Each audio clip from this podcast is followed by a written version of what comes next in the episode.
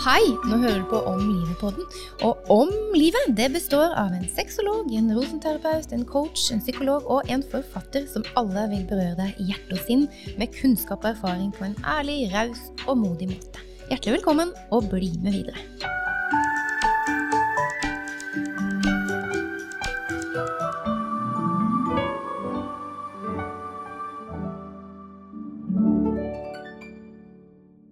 Hei og velkommen til denne episoden av Om livet-podkasten. Jeg er Eline Li Hereid. I dag har vi en spennende gjest. Det er Tore Midtvedt. Han er lege og spesialist i medisinsk mikrobiologi. Og han er også professor ved Karolinska institutt i Stockholm. Han har forska på tarmen i over 50 år, og allerede i 1967 skrev han sin første artikkel om hvilke betydning tarmflora har for helsa. Eh, Midtvedt er del av et forskerteam som har tatt patent på det såkalte brune bergenske gullet. Det er altså nedfryst avføring fra en frisk donor helt tilbake til 1990. Eh, dette brukes i dag ved fekaltransplantasjoner, som altså er at man bytter ut en pasients tarmflora med en eh, gunstig, annen gunstig tarmflora. Og det har hjulpet mange tusener å bli frisk fra bl.a. irritabelt tarmsyndrom, systemisk sklerose og andre kroniske tilstander. Tore Midtvedt nærmer seg 90 år, og han er fortsatt aktiv innen sitt fagfelt. Faktisk så skal vi få høre om et revolusjonerende produkt Midtvedt og kollegaer har til godkjenning hos Legemiddelverket i disse dager. Eh, I denne episoden skal vi snakke mer om hvordan tarmen påvirker både fysisk og psykisk helse. Vi skal høre om hvordan mat kan påvirke oss. Vi skal høre om hvordan vi kan påvirke vår biokjemi med fekaltransplantasjon. Og vi får mer kunnskap om bl.a. tilskudd av probiotika. I denne episoden snakker vi primært om hvordan vårt fysiske miljø påvirker oss.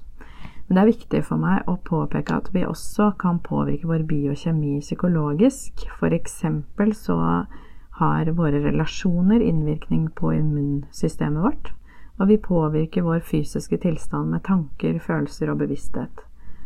Eh, jeg tror ikke jeg og Tore er uenige der, men vi har forskjellige innfallsvinkler eh, og deler ulike sider av virkeligheten.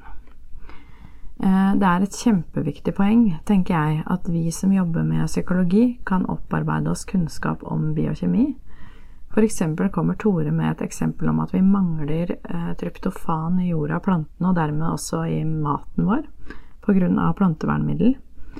Og bare for å forklare det, så er tryptofan en forløper til serotonin og har påvirkning på stemningsleie. For lave mengder serotonin kan bidra til depresjon, bipolar lidelse, fibromyalgi med mer, og det er veldig tankevekkende. Eh, det intervjuet her det ble gjort hjemme hos Tore av Anette Lunde Christensen og, og meg. Um, Anette er en av de som har gjennomført fekaltransplantasjon med positive resultater. Hun har merka effekt både fysisk og psykisk, og hun har gjort det i forbindelse med kronisk utmattelse. Det blei for omfattende å intervjue begge i eh, denne podkasten, men vi planlegger en del to innafor temaet tarm og helse. Så følg oss videre, og god lytt. Velkommen hit, eh, Tore. Eh, vi må først begynne Jeg må først høre med deg hva, eh, hva er det som gjorde at du ble interessert i tarm og tarmhelse? Det jeg lærte om tarmfloraen på 50-tallet, det var én linje. Tarmfloraen utgjør inntil 50% av massen av feses og kan være av betydning for konsistensen. Altså, den kan gi diaré. Ja. Det var, jeg skjønte intuitivt at det måtte være litt gærent. Og det, det var mye som Det var gode professorer. En annen, en annen professor som lærte jeg tror ikke på en summer, de er for små. Det var lærdommen i medisinsk, medisinsk fakultet i Oslo på 50-tallet. Mm. Igjen var det gærent. Da jeg vel var ferdig Men jeg hadde, det at jeg ble lege, var en hel tilfeldighet. Mm. Hadde overhodet ikke tenkt på det. Jeg ville bli proffsyklist og vinne Tour de France. Ja. Det kunne jeg nok ha gjort. Men jeg skal ikke komme inn på det her. Men med en tilfeldighet så fikk min mor kreft og ble lagt inn på Radiumhospitalet samme år som jeg tok artium. Jeg var der inne, og det Jeg husker så godt 18. mai. Da falt sensuren. En ringte opp til en rød telefonboks på Radiumhospitalet, og jeg sto i den andre enden, og jeg ble fortalt hva jeg hadde fått til artium. Så gikk jeg inn og fortalte det til min mor. Så så hun på meg og sa du, Tore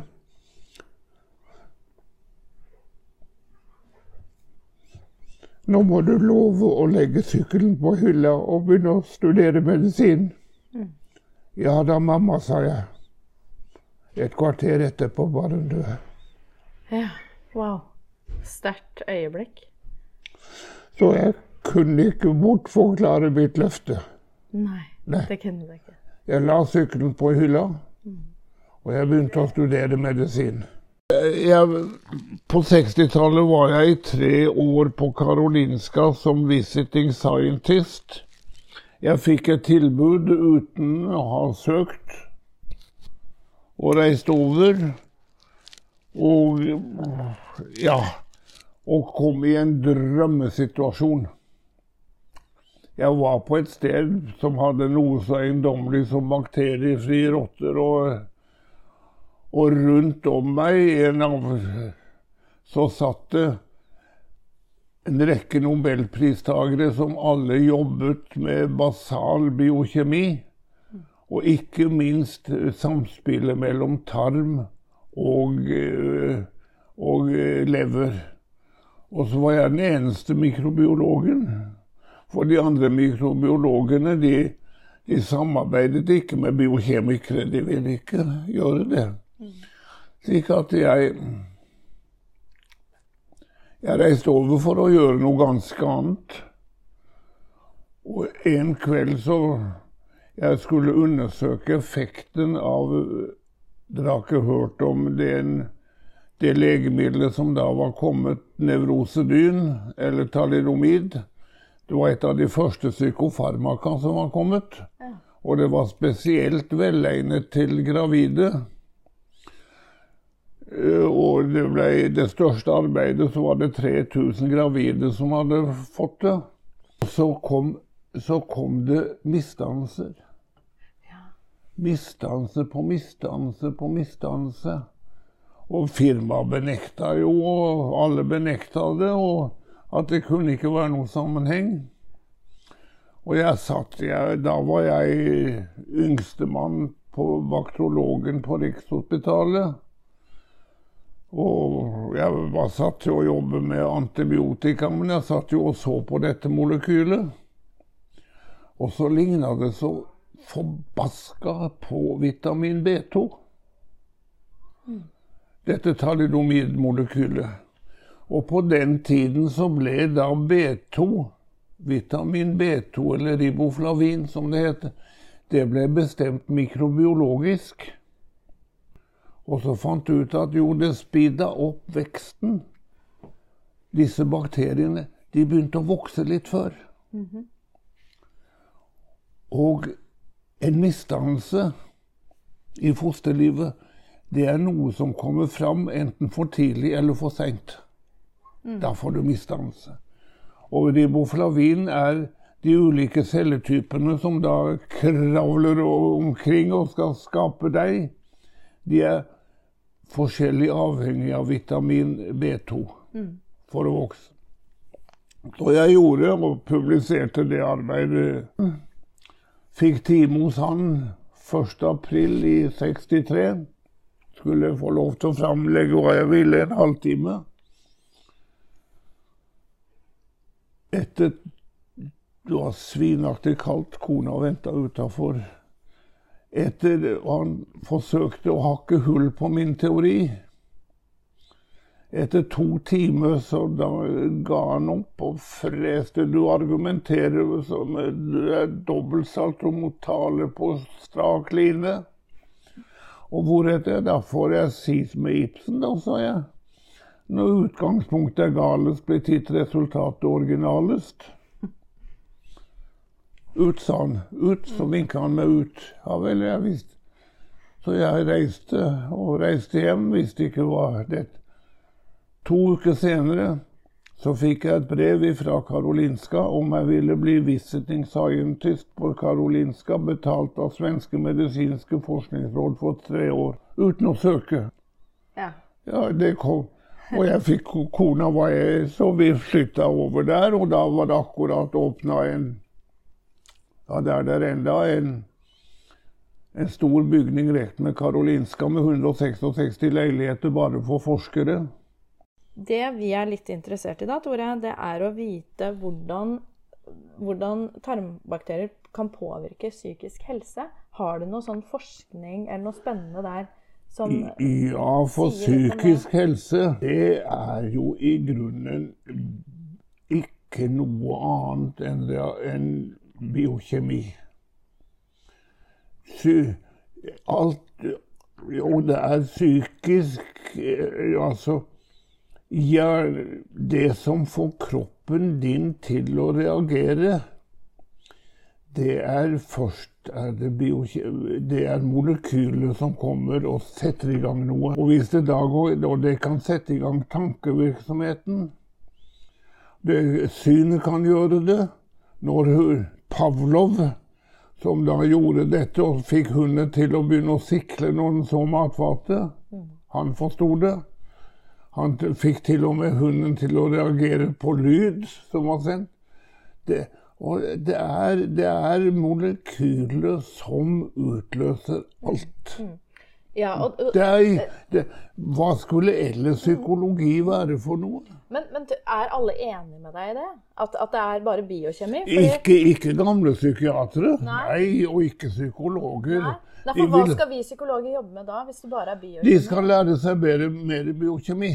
La meg ta et, en syndebukk hvor, hvor viser Hadde hørt ordet roundup?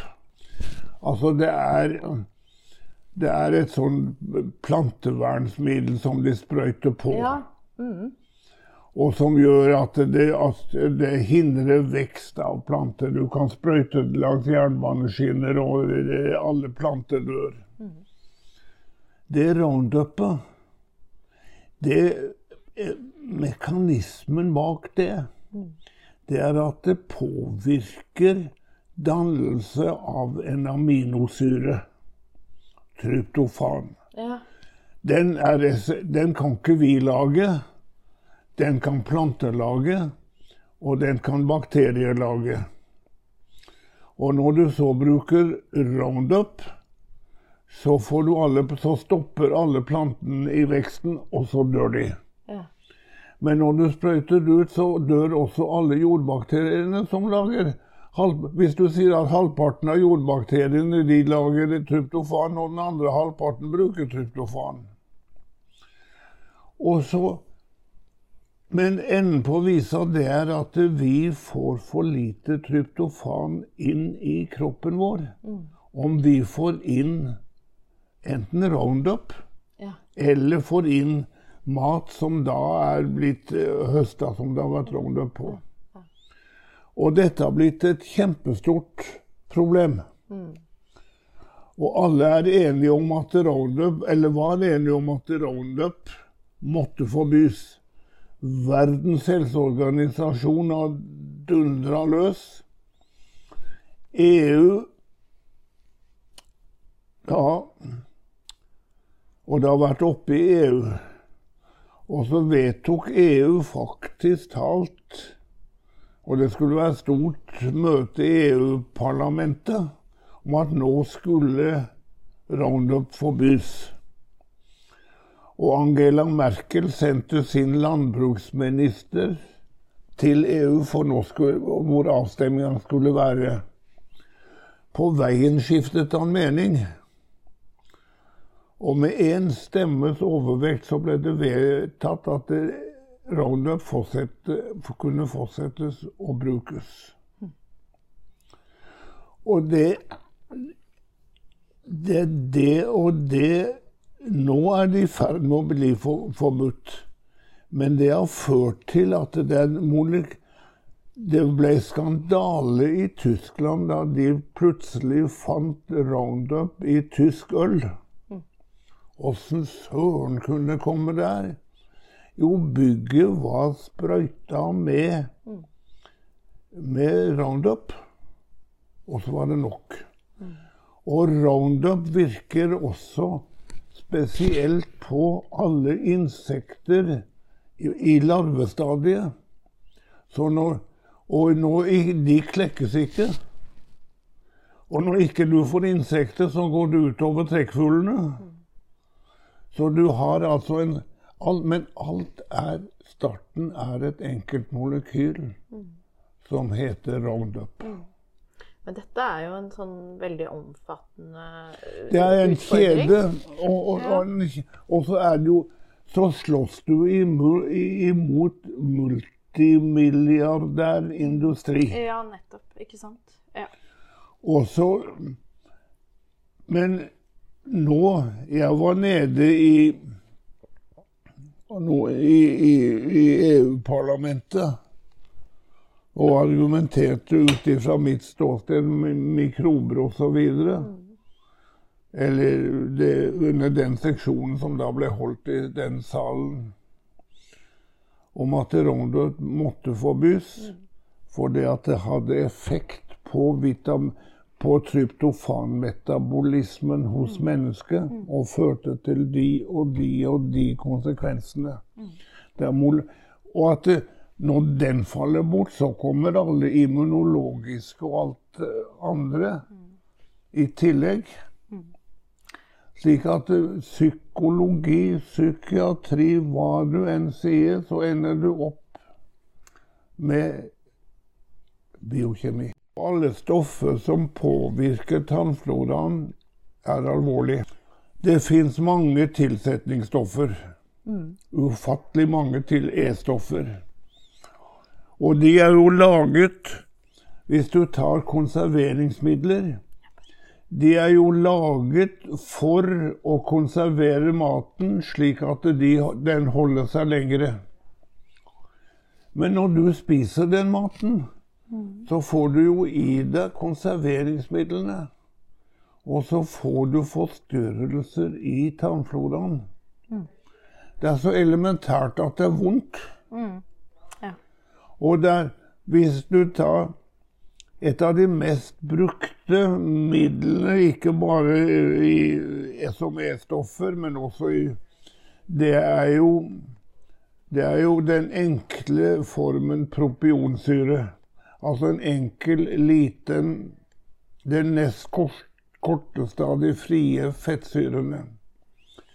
Det er vist til fulle om att og om att og om att igjen at det sprøyter du den minste lille mengde propionsyre inn i spinalvæsken hos en rotte, så blir den autistisk. Han er, jeg kan godt finne fram, jeg har et eller annet sted Da har jeg opptak av den. Er den autistisk så lenge som denne propionsyra er der. Og det er, så går den rundt. Den bryr seg katta om sine kolleger. Og den vandrer Den er som en autist. Og så går det en halvtime eller en time, så har propionsyra gått ut igjen. Og så er rotta normal. ja. Og dette får vi i Og, oss. ja, og enhver foreldre, ikke minst hun som kan mest om dette i Norge, Havne Bjørg Walker, hun vet så inderlig vel at eh, hun, hun kan ikke kjøpe noe bakervarer eller noe sånt, for alt brød i Norge, alle eh, Det blir jo sprøyta med propionsyre, så de skal holde seg litt lengre. Og det fins fire ulike propionsyrer i E-tabellen. Og så er det ikke blitt borte. Selv om en vet Selv om en vet det. Jeg forsøkte en gang og det opp Det skulle være et samarbeid mellom industri og eh, forskning i Sverige. Og vi ble inndelt i grupper. Om jeg kom tilfeldigvis i den gruppen med dette Nordland, et stort nordlandsbakeri. Og jeg mente vi måtte kanskje se litt på propionsyre. Og jeg fikk blankt nei. Det skulle ikke undersøkes mer. Nei, Man får nesten inntrykk av at det er litt sånn fortrengning av alt vi får i oss. Det er fortrengning av alt. Mm. Og, og, det, det, og, da kjemper du dels imot storindustri, mm.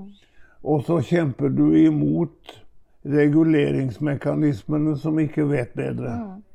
Men er da løsningen å spise ren mat, ren og økologisk mat? Er det det som eh, Hvis man skal ta Ja, men så må du tenke deg om det jordsmonnet er blitt sprøyta. Mm.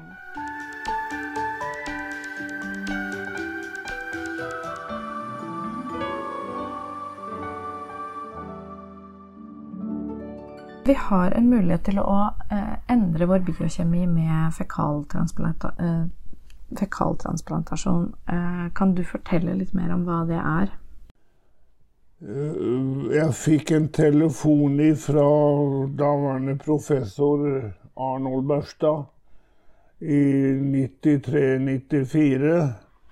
'Tore, nå orker jeg ikke mer. Nå må du hjelpe meg.' 'Ja vel, Arnold', sa jeg. 'Hva er problemet?' Jo, han hadde en gruppe med pasienter som gikk ut og inn. Det var en gruppe med pasienter som hadde da antibiotikaassosiert diaré. Mm. Det har vært kjent ja, helt siden penicillinet kom, kan du si. Men på 80-tallet ble det kjent at det var overvekst av en bestemt Langt de fleste tilfellene skyldtes en bakterie som heter clostridium difficile som mhm. hadde lært seg til å lage toksin. Mm. Den kom Det er forsøk på rotter, og også litt på svensker. Mm. Mm. Jeg har hørt om noen oppe i Uppsala som hadde den sykdommen som dine pasienter har.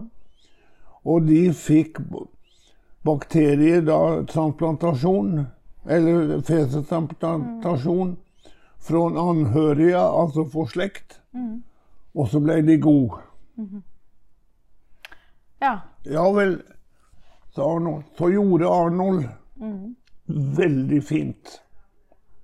Han skrina mange for å finne en som da ikke hadde fått antibiotika, mm ikke hadde noe tarmsykdom, var frisk som uh, søren, og valgte ut en som ble, skulle bli donor. Og hver gang Og protokollen var så enkelt. Ja. Og det var før det ble for mye etiske komiteer og osv. Så annenhver pasient fikk enten antibiotika etter vanlig skjema, mm. eller fikk vedkommende som var giver, måtte sette seg på pottekanten, og Arnold tok den ferske avføringen og blanda opp og satte rett inn i, i, i kolon. Mm. En pasient var så dårlig, hun skulle ha avføring, at Arnold kommer det ut at hun har fått avføring, og dør hun, så kommer jeg til å miste legelisensen. Mm. Men han gav avføring. Mm. Etter en uke var dama frisk, og han så henne aldri mer igjen. Mm. Det gikk veldig bra. Etter Det var noen og 30 pasienter vi gjorde ikke ferdig alle, for det hadde vært uetisk. For alle som fikk avføring, de ble gode, de. Men de som da fikk antibiotika, de kom tilbake igjen. Slik at vi, vi, vi lot resten av kohorten få avføring. Og, så alle, alle, alle, ble gode. Og det ble publisert osv. Mm. Men så kom problemet. Vedkommende som var giver, vil ikke lenger være giver.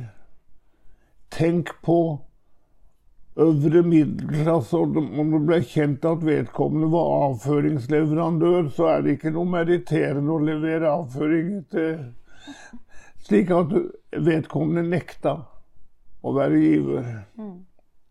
Jeg sa til Arnold ikke noe problem. La vedkommende skiter alt det hun kan, og sende så fort som mulig over til meg i Stockholm. Anarov. En tett så fort du kan. Vi måtte patentere dette. Og vi fikk patent på det. Men det var en som gjerne ville overta det hele, så vi, vi, fikk, vi fikk, interne problemer. Mm -hmm. Ikke av de som jeg nevnte, men av en som kom inn i firmaet. Slik at vi fikk Men vi har klart å komme ut av det hele. Så dette har putra og gått, og vi står over. Vi fortsetter. Og vi har spart det brune bergenske gullet, det som jeg kaller avføringssumpen. Det ligger da i en minus 80 grader. Ja. Og, men det er bare det Skal du gi det, mm. Så må det gis da Det må holdes fryst helt til det skal gis til pasienten. Mm. Og hvordan foregår det? Altså Hvis noen nå som lytter ønsker å ta en fekaltransplantasjon, har vi jo satt, sagt litt lite om hva det hjelper med. Det må du si litt om etterpå, Tore. Eller hva det kan gjøre sånn med, i forhold til spesifikke sykdommer. Men hva, hvordan skjer en fekaltransplantasjon? Hva, hva, hvordan Ja, også da. Og det er der de som da vanligvis gjør, når du da får en avføring mm Myndighetene har jo ikke likt fekale transplantasjoner, for de har ikke noe regelverk. Ikke kan det kalles legemiddel, og ikke kan det kalles probiotikum. Så det har vært de I USA forsøkte de å forby det hele. Det er jo flere klinikker i Norge som tilbyr fekaltransplantasjon. Ja. Er det da denne avføringa de tilbyr? Det er både og. Ja. Det er klart at det, det nå er det det, det godeste Det er to ting som skjedde da, da covid-19 kom. Og for det første så skjedde det før, Rett før covid-19 kom, så var det uhell borte i USA hvor de, noen fikk feses fra vanlige giver og døde av farlige infeksjoner. Så kom covid-19.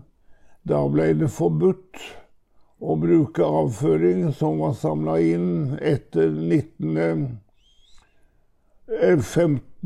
desember 2019.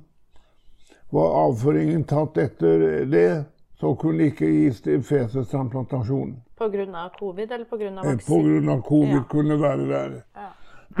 og, og nå så, Men vårt preparat er jo her. Mm.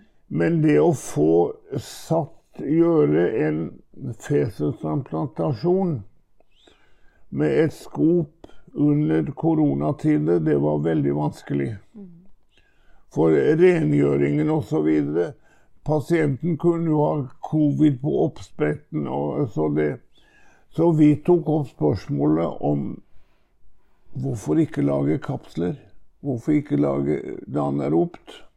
Så fikk jeg høre om et selskap i Fredrikstad. Som da var det største selskapet i Norden som lagde kapsler. Jeg gikk ned og snakket med sjefen, Geir Lund. Han sa det er umulig å gjøre det. For du vil fryse vann. Dette er jo vanlig løsning. Og det vil, det vil ikke gå. Jeg liker ikke ordet umulig, sa jeg til Geir. Nå gjør du ganske enkelt at du fyller noen kapsler ikke helt fulle, og så fryser dem ned. Husk på vann utvider seg når det fryser. Og så ringte han etter en uke og sa du, Tore, du har rett. Dette hadde jeg lyst til å forsøke på. Så har vi forsøkt, for alt må skje anaeropt. Hele prosessen ifra vi dyrker mikroben til vi overfører i kapselmaskinen. Det har vært en Og avtalen har vært enkel. Jeg har stått for det faglige, og han har stått for det øh, tekniske og det økonomiske. Har foreløpig kostet han, han sier 30 millioner, jeg tror det er lavt regna. Så tok vi kontakt når vi visste at vi kunne det, så tok vi kontakt med Legemiddelverket. Og, og sa at nå vil vi ha, ha det godkjent. Så fikk vi et veldig klart svar tilbake. Det kan aldri bli et legemiddel, men skal framstilles som om det er et legemiddel.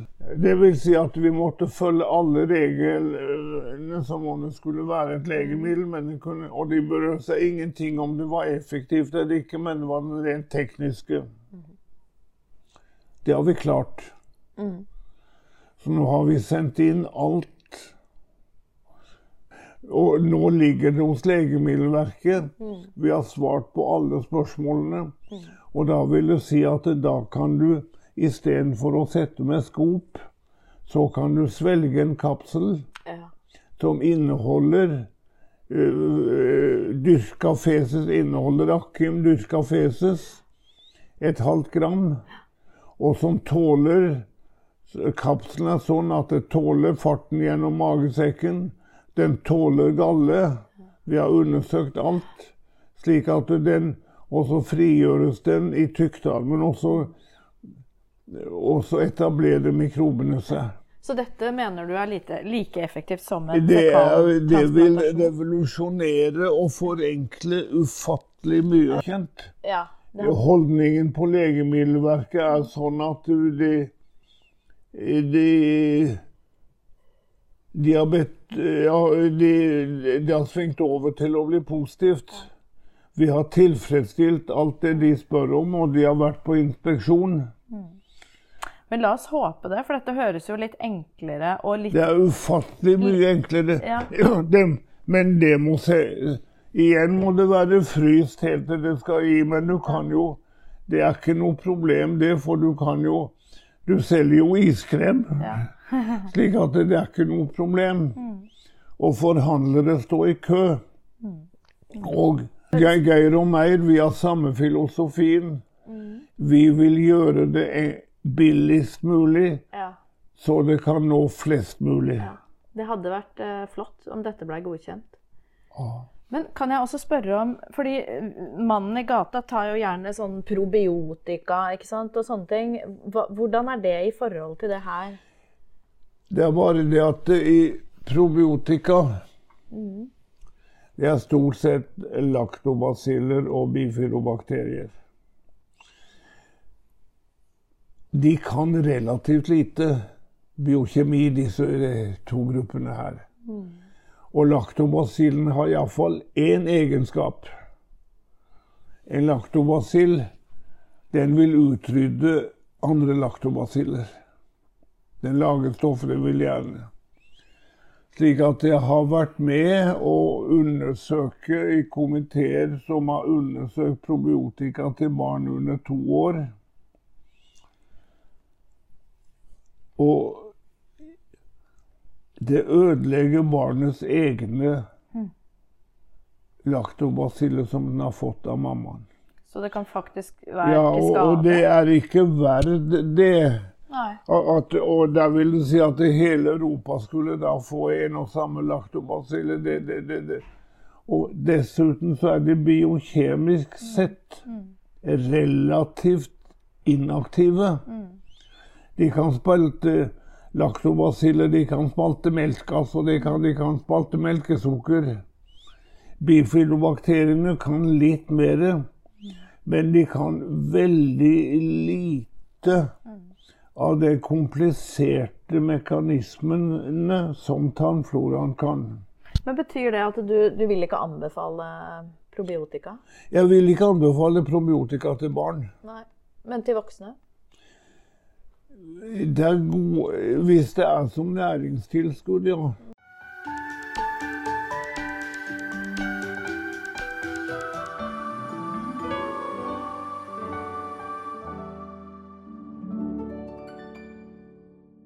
Og de kapslene som dere har skapt, er det noe som man bør ta daglig? Tas inntil du er blitt normalisert. Ja.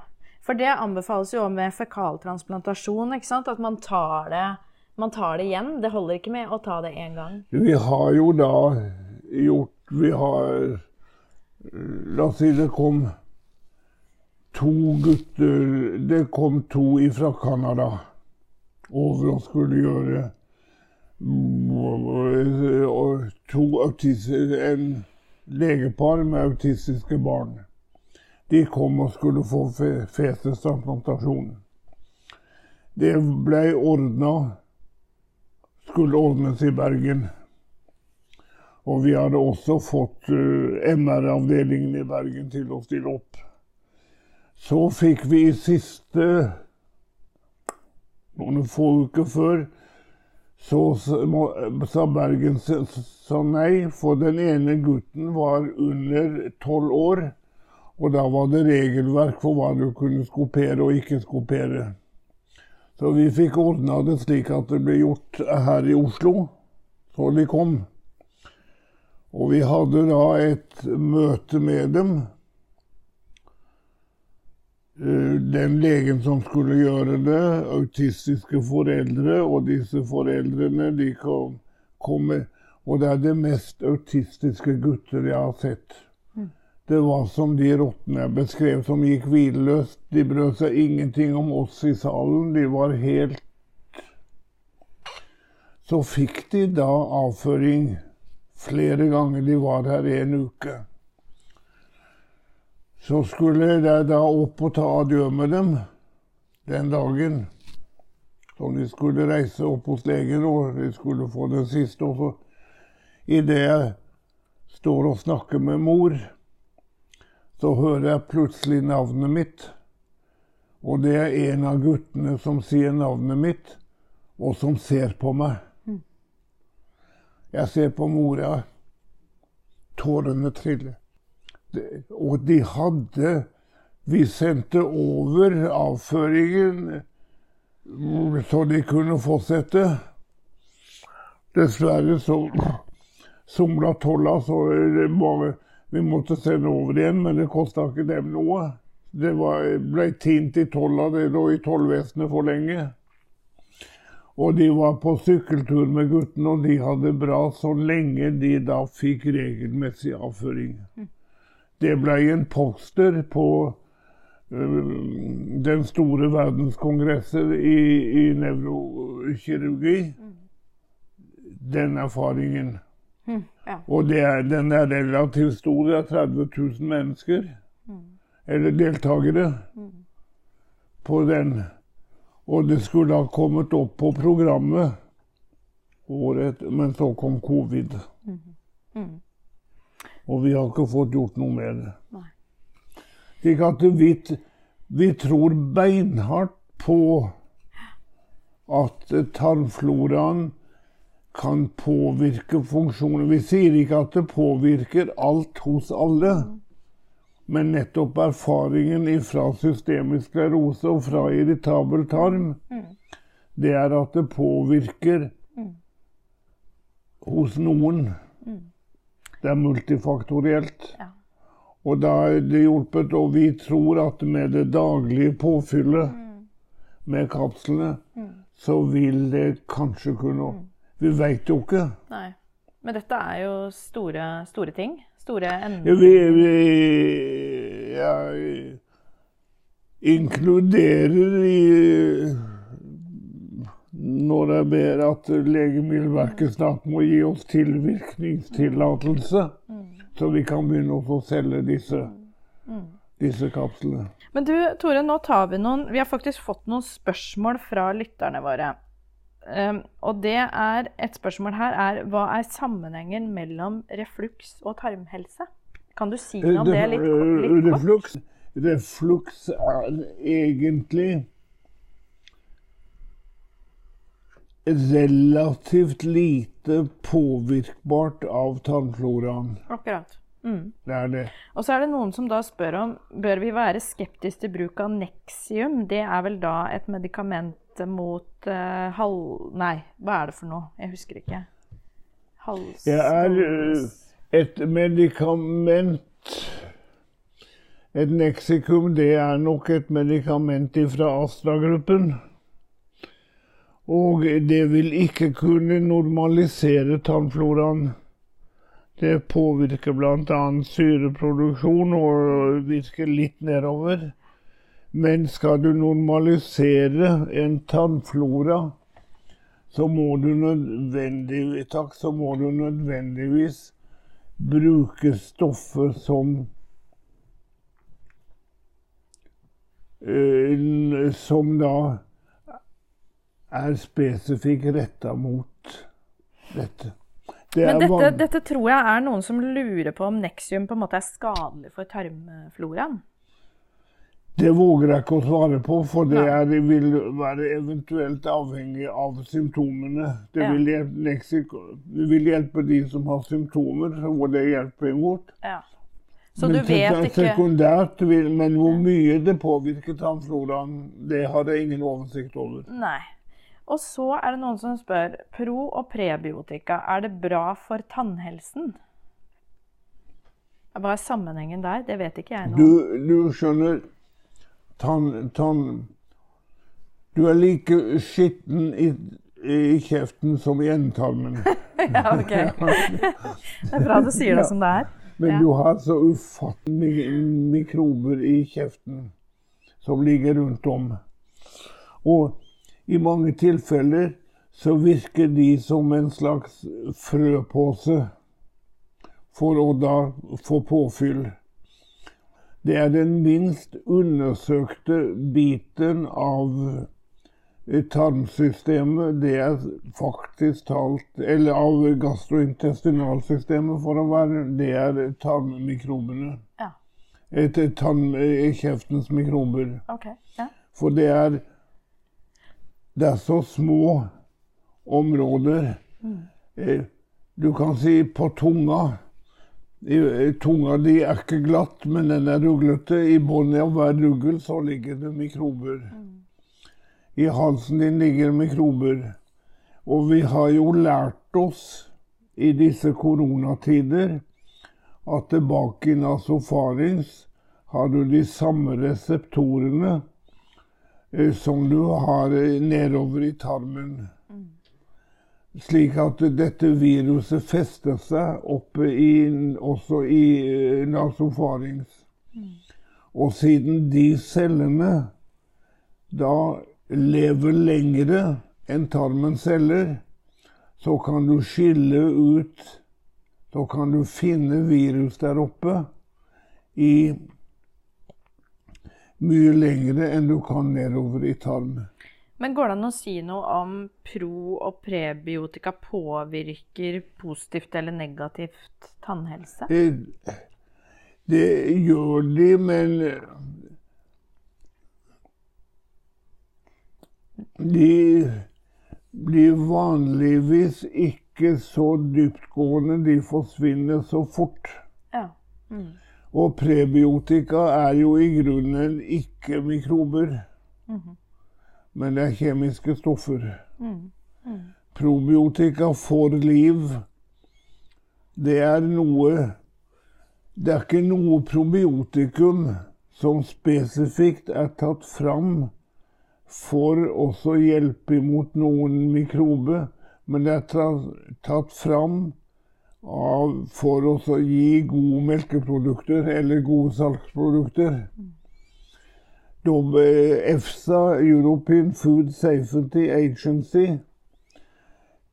forlangte for noen år siden at alle claims skulle bli sendt inn. Når det heter det, det, og det hjelper så veldig godt, det skulle dokumentere det kom inn over 4000 claims. De godkjente ja, bare noen titalls, og det var at det kunne redusere. Det kunne redusere sukkermengdene, altså det kunne påvirke laktosen, de kunne spalte laktosen osv. De andre claimsene. Jeg var til stede på et møte en gang hvor en, en representant fra EFSA møtte industrien og hevdet om ikke dere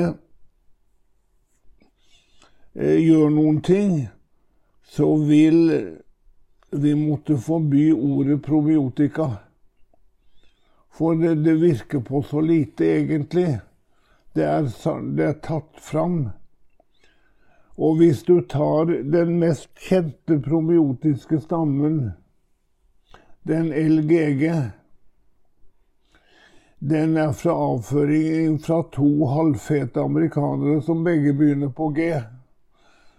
Så det er avføringen fra to halvfete amerikanere som er blanda i hop, slik at de ikke kan vite hvem. Og patentet eh, Det ble kjøpt av Valio. Jeg tror de betalte 400 millioner dollar for å få, bli, få enerett til GG i Europa.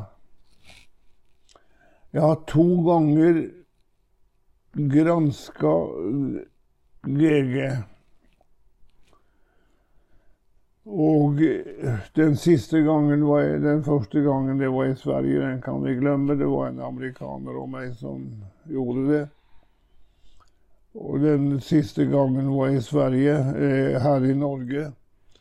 Og det er så opplagt at GG ikke skal gis De hadde ikke dokumentasjon til at det skulle gis til barn under to år. Nei.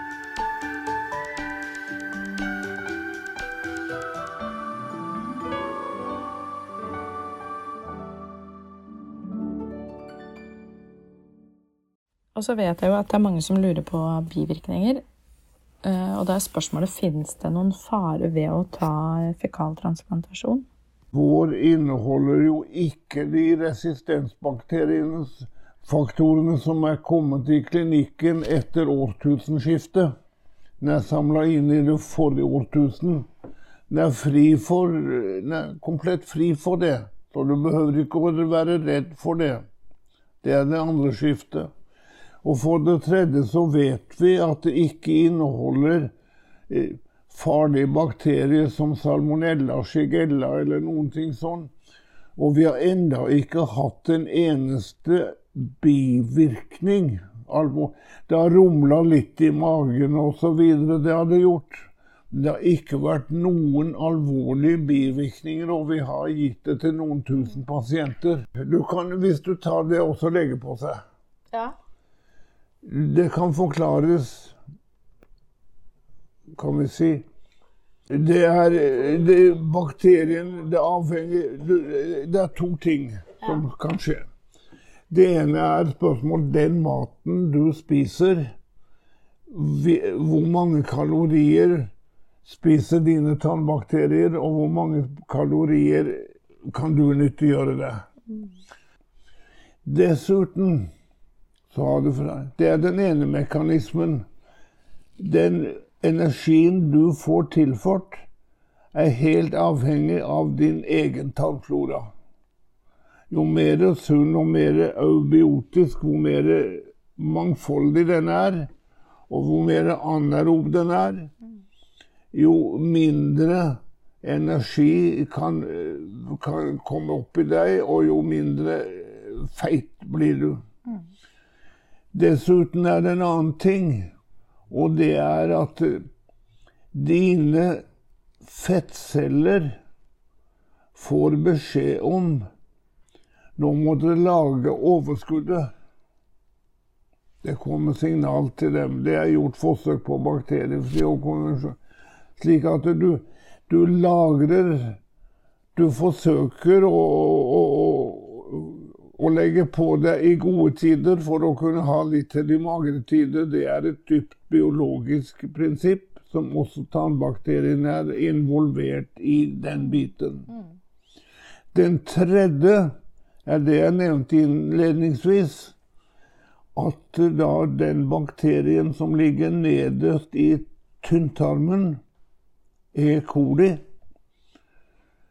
Har du noen av E. colien som er der, når de begynner er kommet Når du spiser, så kommer de i en vekstfase. Og så sender de tilbake til deg. Og det er vist av Sergej Fetisov, en hyperintelligent russer, at da da sender signaler til deg 'nå er du mett'. Mm. Hvordan kan potensielt denne her fekaltransplantasjonen påvirke psyken vår? Hvordan kan den påvirke vår mentale helse? Nå, nå er det, det at du har disse stoffene som da De påvirker. De sender opp enkle signaler. Mm. Du kan ta den fulle Og signaler Du veit at du blir søvnig av fisk. Mm. Du veit at det, er delvis da undersøkt hvilke signalstoffer er det som går opp i hjernen, og som da slår av og på.